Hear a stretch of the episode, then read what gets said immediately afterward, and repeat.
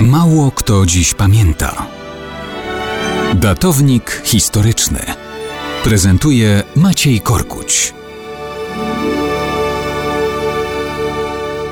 Mało kto wśród Niemców spodziewał się, że inwalida wojenny, podporucznik Reichswehry Kazimierz Zenkteller powróci jeszcze na linię frontu. A powrócił i wielu Prusaków tym zaskoczył. Kazimierz Zenkteller to potomek wielkopolskiej rodziny ziemiańskiej spod Nowego Tomyśla. Rocznik 1884. Podlegał pruskim przepisom mobilizacyjnym. Miał 22 lata, kiedy wzięto go do odbycia rocznej służby w niemieckiej armii. Odsłużył.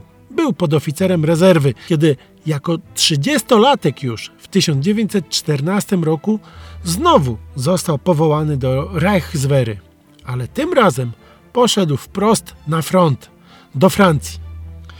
Wiele tam nie powalczył, bo już w sierpniu 1914 roku został we Flandrii ciężko ranny. Jako inwalida podporucznik został z wojska zwolniony i odesłany do domu. I dobrze, bo tam idealnie się wpasował w wydarzenia dalszych lat. Pewnie dla wielu było to nieoczekiwane, że znowu stanął do walki.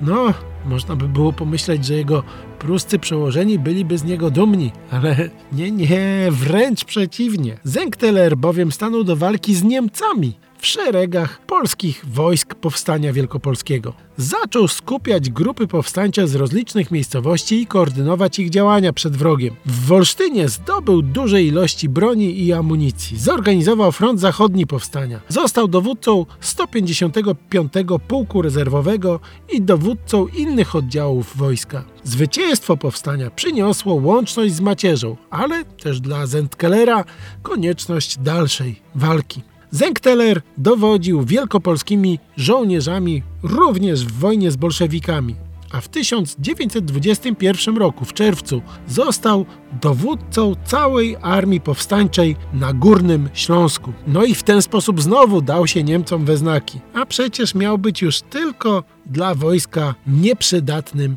inwalidą na bocznym torze. No cóż, niewątpliwie wielu Prusaków Zenkteler zaskoczył.